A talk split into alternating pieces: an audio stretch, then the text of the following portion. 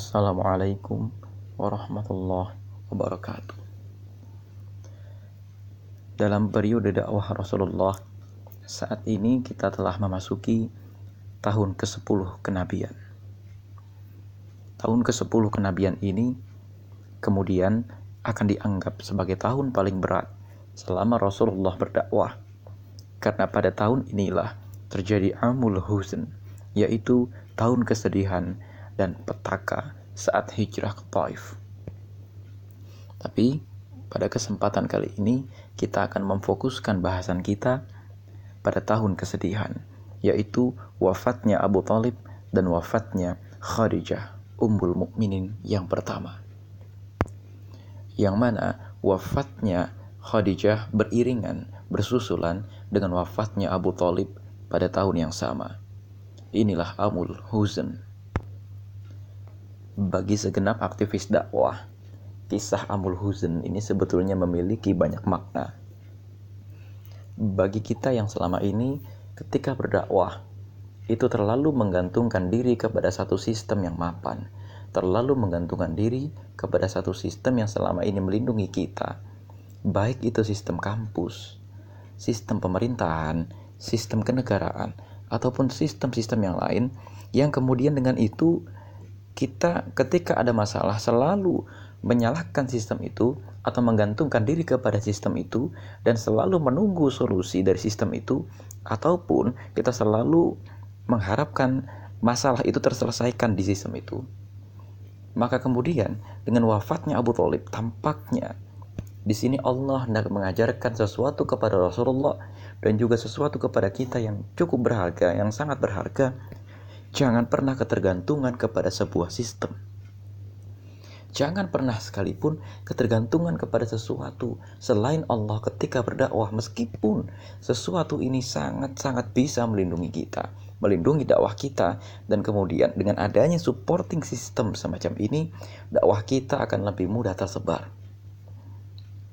Bahkan supporting system ini juga termasuk barangkali bukan cuma sosok Abu Talib yang mewakili perlindungan secara politik atau bahkan kalau hari ini mewakili perlindungan secara kelembagaan, tapi juga kepada Khadijah yang barangkali hari ini mewakili perlindungan secara latar belakang keluarga, latar belakang finansial, atau perlindungan apa pun, yang mana perlindungan ini adalah perlindungan selain dari Allah Subhanahu wa Ta'ala.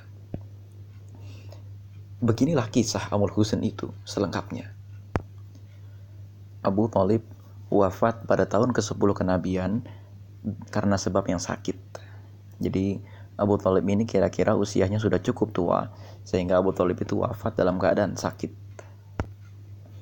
Menjelang wafatnya, Rasulullah mendampingi di sisi rumah Abu Talib. Wafatnya Abu Talib ini sebetulnya terjadi setelah peristiwa boykot, yang mana peristiwa boykot ini memang menurut beberapa sejarawan menghabisi kesehatan dari Abu Talib maupun Khadijah sendiri. Abu Talib pada saat itu berubah menjadi seorang tua yang sakit-sakitan. Begitu juga dengan Khadijah. Harap diingat, pada tahun ke-10 kenabian, usia Khadijah pada saat itu memang sudah cukup tua. Kalau kita ambil bahwa Khadijah itu menikah pada usia 40 tahun dengan Rasulullah, sedangkan Rasulullah saat itu berusia 25 tahun, dan ketika Rasulullah diutus, Rasulullah itu berusia 40 tahun, maka pada saat itu, ya pada tahun ketika Rasulullah diutus menjadi nabi, usia Khadijah itu kira-kira adalah sekitar 55 tahun. Maka ketika Khadijah wafat pada tahun ke-10 kenabian, saat itu usia Rasulullah 50 dan usia Khadijah adalah 65 tahun. Karena berbeda 15 tahun dengan Nabi Muhammad.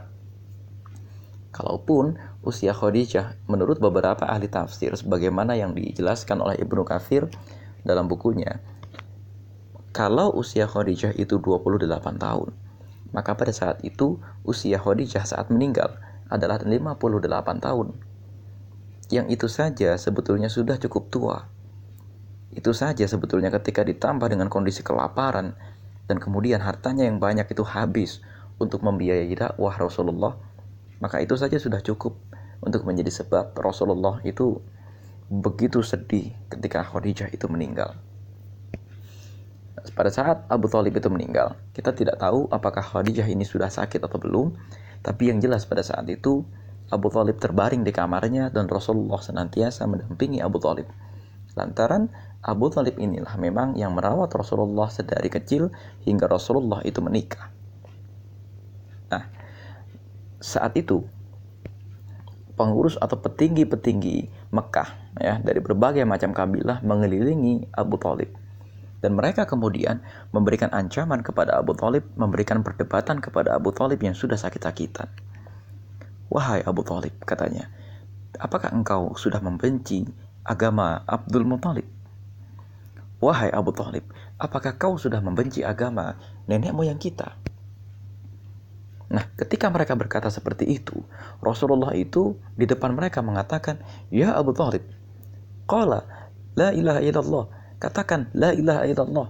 Niscaya aku akan memberikan kesaksian bagimu dengan kalimat syahadat itu pada hari kiamat kelak. Tapi Abu Talib mengatakan, andaikan masyarakat Quraisy tidak akan merendahkanku jika aku mengucapkan kalimat itu. Aku tahu mereka pasti akan mengatakan Abu Talib mengucapkannya karena ketakutan. Abu Talib mengucapkannya karena dipaksa. Abu Talib mengucapkannya karena diancam oleh Muhammad. Maka kata Abu Talib, niscaya aku akan membuatmu senang dengan mengucapkan kalimat itu. Tapi aku tidak bisa mengucapkannya. Maka menurut beberapa ahli sirah yang muktabar, Ali bin Abi Thalib itu selalu mengucapkan kata-kata yang keras kepada Abu Talib. Karena memang dalam konteks ini, ini konteks akidah. Dan kemudian memang setelah itu, Allah sendiri berfirman dalam surat Al-Qasas ayat 56. Sungguh engkau, wahai Muhammad, tidak dapat engkau memberi petunjuk kepada orang yang engkau kasihi, tapi Allah memberi petunjuk kepada orang yang Dia kehendaki. Dan Dia lebih mengetahui orang-orang yang mau menerima petunjuk. A'udzu billahi minasyaitonir rajim. Innaka la tahdi man ahbabta walakinna walakinna Allah yahdi man yasha wa huwa a'lamu bil muhtadin. Dia lebih mengetahui orang-orang yang mau menerima petunjuk. Di sini garis bawah, orang-orang yang mau menerima petunjuk dalam konteks begini. Memang seolah-olah Allah ingin mengatakan Abu Talib sendiri dengan kekerasan yang ada dalam hatinya, dengan kekakuan, kebekuan yang ada dalam hatinya, dia tidak mau menerima petunjuk La ilaha illallah. Lalu kalau ada yang mengatakan, bukankah Abu Talib selama ini melindungi Rasulullah? Dalam konteks ini adalah, bukankah Rasulullah itu selalu tampaknya dibela oleh Abu Talib dan Abu Talib membela Rasulullah gitu loh. Tapi masalahnya begini, tampaknya Abu Talib di sini cuma sampai rasa kasihannya kepada Rasulullah lantaran Rasulullah ini adalah seorang ponakan yang paling dia sayang. Abu Talib bisa membenarkan konsep-konsep kemanusiaan yang umum yang dia dengar dari Rasulullah. Seperti misalnya surat Al-Mutaffifin di sisi lain misalnya Rasulullah itu menawarkan surat Al-Lail, kewajiban orang kaya kepada orang miskin. Surat At-Takatsur, bermegah-megahan. Surat Al-Humazah yang mencela orang-orang yang suka mengumbar hinaan-hinaan kepada orang yang sedang menebarkan kebaikan. Atau kemudian surat Al-Qalam yang menekankan kisah para penghuni kebun, kita para pemilik kebun, yang dengan kebun-kebunnya itu mereka malah berbuat zolim kepada orang-orang di sekitarnya. Sampai di titik itu, Abu Talib bisa membenarkan. Dengan kekuasaannya barangkali pada saat itu dia juga turut menyampaikan kepada orang-orang agar tidak berbuat zolim. Tapi Abu Talib tidak sampai bisa untuk melepaskan keyakinannya kepada berhala-berhala. Tidak sampai Abu Talib itu bisa meyakini la ilaha illallah. Karena pikiran-pikiran jahiliyah itu terlalu kuat melekat dalam pikiran Abu Talib.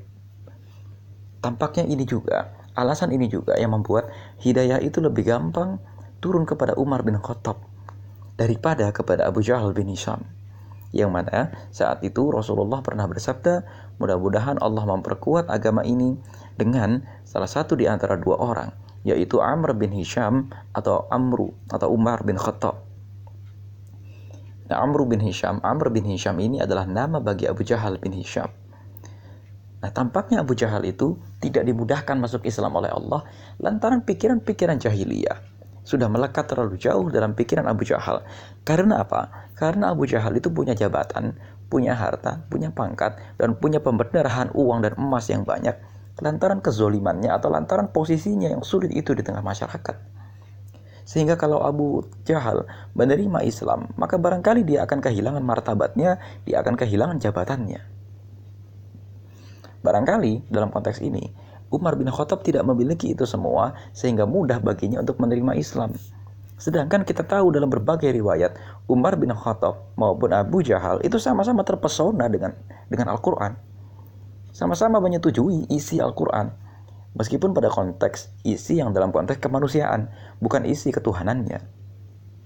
La ilaha illallahnya saja yang belum mereka setujui. Tapi isi kemanusiaannya, tawaran-tawaran untuk menegakkan keadilan, sebetulnya mereka setuju. Tapi ada satu atribut jabatan, satu atribut kebudayaan yang membuat mereka enggan untuk bisa menerima Islam. Di sinilah bahayanya kalau kita memang terlalu mengutamakan asobiyah. Kita terlalu mengutamakan kita ini adalah keturunan raja misalnya begitu. Terlalu menggampangkan bahwa wah kita ini kita ini sudah pejabat, ngapain ikutin orang-orang kecil itu? Kita ini sudah punya pangkat, kita ini sudah senior, kita ini sudah dewasa, sudah besar, sudah punya perusahaan yang banyak Kenapa kita harus ikut seruan orang yang memang orang ini lemah? Orang ini bukan pejabat, orang ini tidak punya uang, dan orang ini hanya punya seruan saja, atau orang ini hanya bisa menulis saja. Di sinilah bahayanya. Artinya gini, Abu Talib itu tidak sombong secara perangai kepada manusia, tapi kemudian dia itu sombongnya itu kepada ajaran Islam. Maka di sini Allah itu tidak memberikan petunjuk, itu bukan lantaran dia tidak bisa, tapi Allah hanya ingin memberikan sebab-sebab yang sangat alami kepada Rasulullah agar Rasulullah itu berupaya keras sekali memahamkan petunjuk kepada orang-orang yang menjadi umatnya itu dan kemudian agar kita pada hari ini sadar orang yang membela dakwah dekat dengan kita bahkan menjadi supporting system bagi dakwah belum tentu hatinya itu bisa kita katakan sudah Islam. Apalagi Sahabat-sahabat dekat Abu Talib pada saat itu hadir di sekeliling Abu Talib ketika Abu Talib wafat. Abu Talib takut kehilangan harkat di tengah-tengah masyarakatnya. Abu Talib takut kehilangan kedudukan. Ini yang jadi soal. Betapa kesombongan semacam ini, meskipun tidak sampai menjadi kesombongan di hadapan manusia, tapi kesombongan di hadapan Allah menutupi seseorang dari hidayah. Merasa dia punya jabatan, merasa dia lebih tinggi atau merasa ketika dia menerima Islam dia akan jadi rendah? Merasa ketika dia sholat dia gengsi? Gengsi semacam inilah yang menyebabkan Abu Talib tidak jadi menerima hidayah dan wafat dalam keadaan kafir. Kita tidak usah berdebat bahwa Abu Talib itu katanya sempat muslim atau diampuni oleh Allah tapi yang jelas sebab kematian Abu Talib itu atau pada saat kematian Abu Talib Abu Talib itu sudah kafir. Itu yang jadi soal Nah di titik ini Rasulullah sangat sedih. Sedih yang pertama memang karena Abu Talib itu adalah seorang pengganti bapak bagi Rasulullah. Ini manusiawi. Maka sampai betapa sedihnya Rasulullah sampai saat itu dikatakan sebagai amul huzn, tahun kesedihan, tahun yang memang seorang Rasulullah yang dikatakan sebagai termasuk ulul azmi yang paling kuat sekalipun sangat-sangat sedih. Dan Sebab yang kedua adalah bahwa betapa Abu Talib itu sesungguhnya adalah seorang yang bertindak sebagai supporting system. Yang hari itu ya barangkali padanannya pada hari ini adalah kita berdakwah di kampus dilindungi oleh petinggi-petinggi kampus. Kita berdakwah di sebuah provinsi dilindungi oleh pejabat-pejabat provinsi yang pejabat-pejabat provinsi itu barangkali sudah ngaji bersama kita. Atau kita misalnya berdakwah di sebuah kota wali kota di daerah itu atau bupati daerah itu dekat dengan kita dan tidak menyerang kita dan membiarkan kita berdakwah dengan apa yang kita mau. Tapi kemudian ternyata Allah menegur Rasulullah melalui cara yang sangat halus.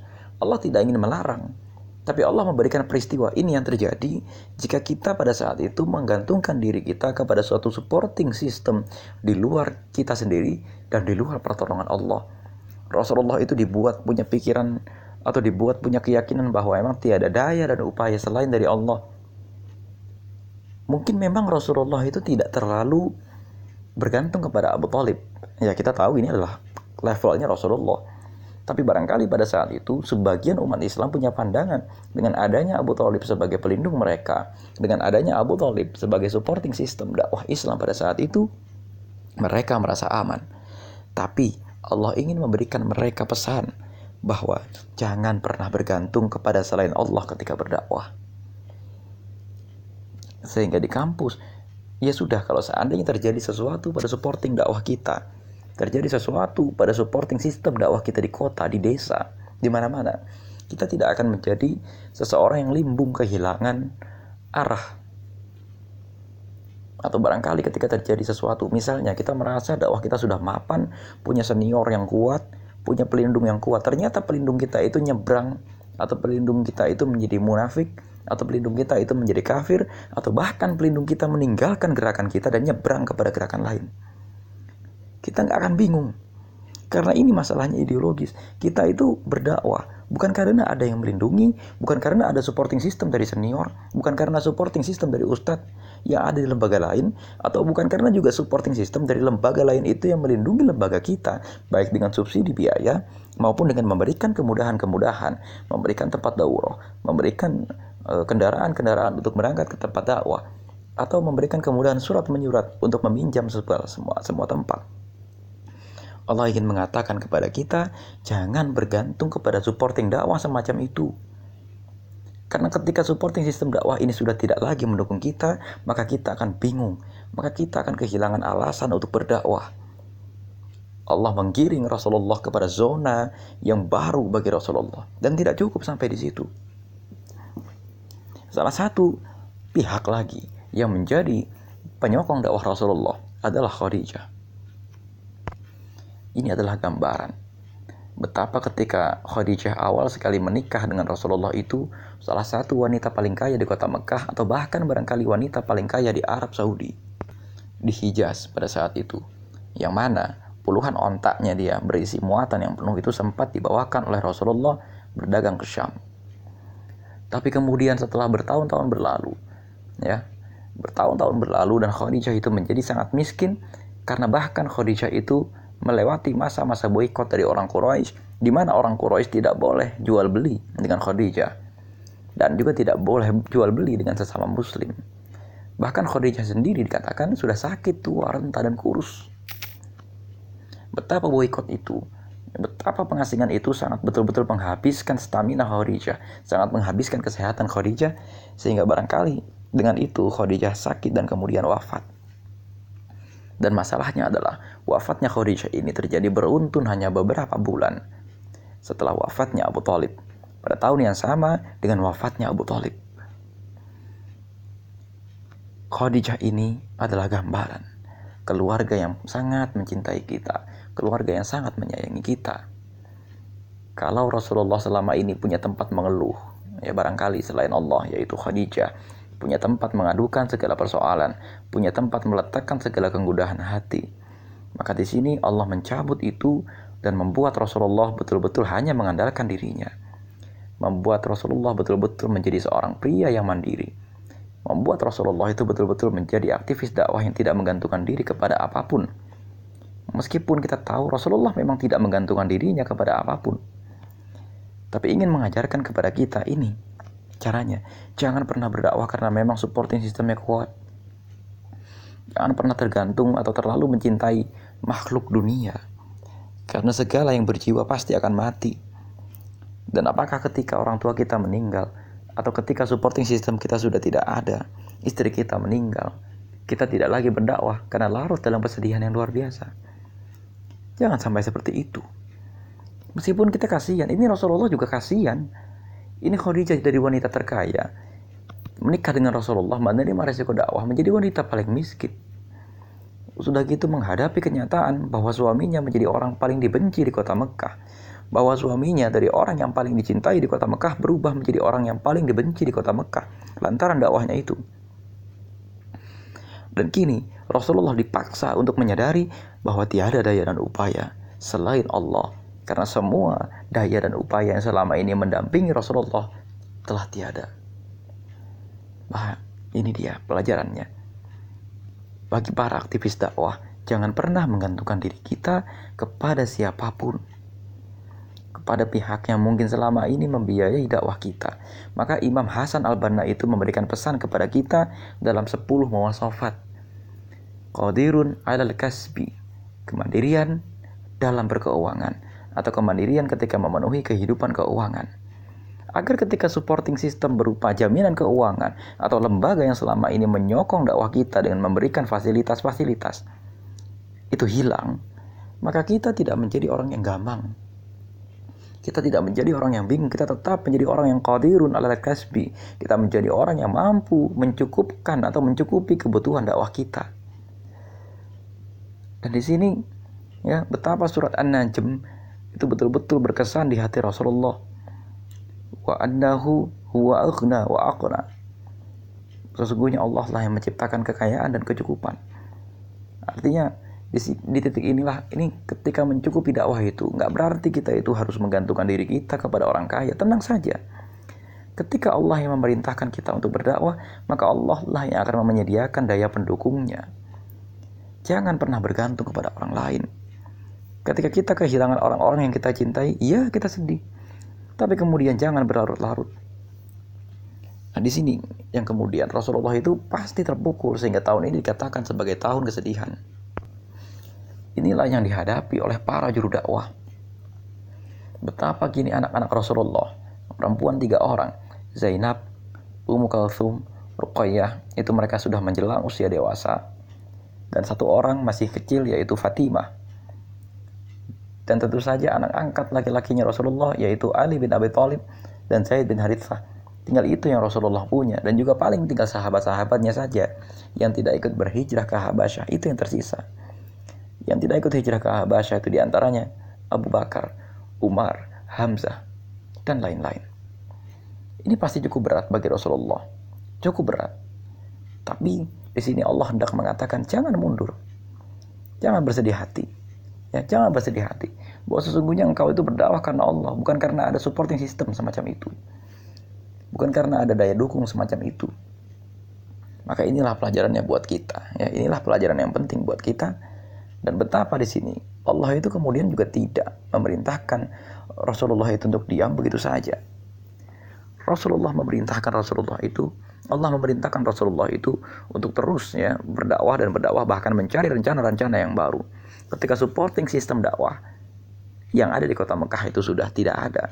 Di sini Rasulullah menyusun rencana yaitu berangkatlah beliau untuk hijrah ke kota Taif di mana Rasulullah berencana untuk membangun kembali supporting system di kota Taif itu dengan mengajak para pemimpin-pemimpinnya masuk Islam. Nah, di sini ya kemudian memang supporting system itu perlu dan butuh untuk menjaga keberlangsungan dakwah. Tapi tidak berarti kita harus menggantungkan diri kita kepada dakwah atau kepada supporting system dakwah tadi. Dan di sini kita juga diminta untuk menyadari sebagai istri sebagai pendamping seorang juru dakwah, kita tidak boleh melemahkan sang juru dakwah. Khadijah kita lihat. Sosok Khadijah ini yang kemudian mendampingi Rasulullah dari awal dia adalah seorang wanita terkaya. Dia adalah wanita yang hebat sekali. Dari kekayaannya itu betul-betul menggunung tidak bersisa. Ya, menggunung tidak tidak terkatakan banyaknya. Tapi kemudian ketika menemani dakwah Rasulullah, Khadijah menggunakan hartanya untuk memberi makan orang-orang ya untuk kemudian membebaskan budak-budak untuk membiayai seluruh kegiatan dakwah Rasulullah dan kemudian bahkan ikut terkena boykot sehingga hartanya habis tidak bersisa. Khadijah ini orang kaya, tapi kekayaannya itu tidak membuat Khadijah itu banyak perhitungan sehingga hartanya yang dia keluarkan untuk jalan dakwah itu dia menjadi pelit. Dengan hartanya yang dia keluarkan di jalan dakwah itu dia tidak jadi perhitungan atau nanya kepada Rasulullah, kapan nih berhasilnya? Kapan nih harta saya terganti? Ayo dong.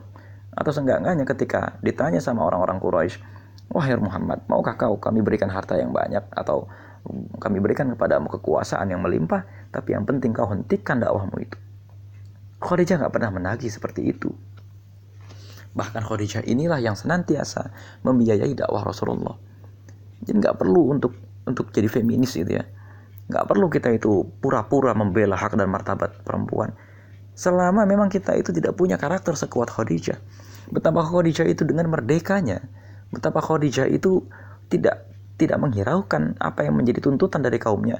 Dia memiliki dirinya sendiri, dia memiliki hartanya sendiri dan dia bebas memilih untuk menggunakan hartanya. Terserah itu buat apa hartanya.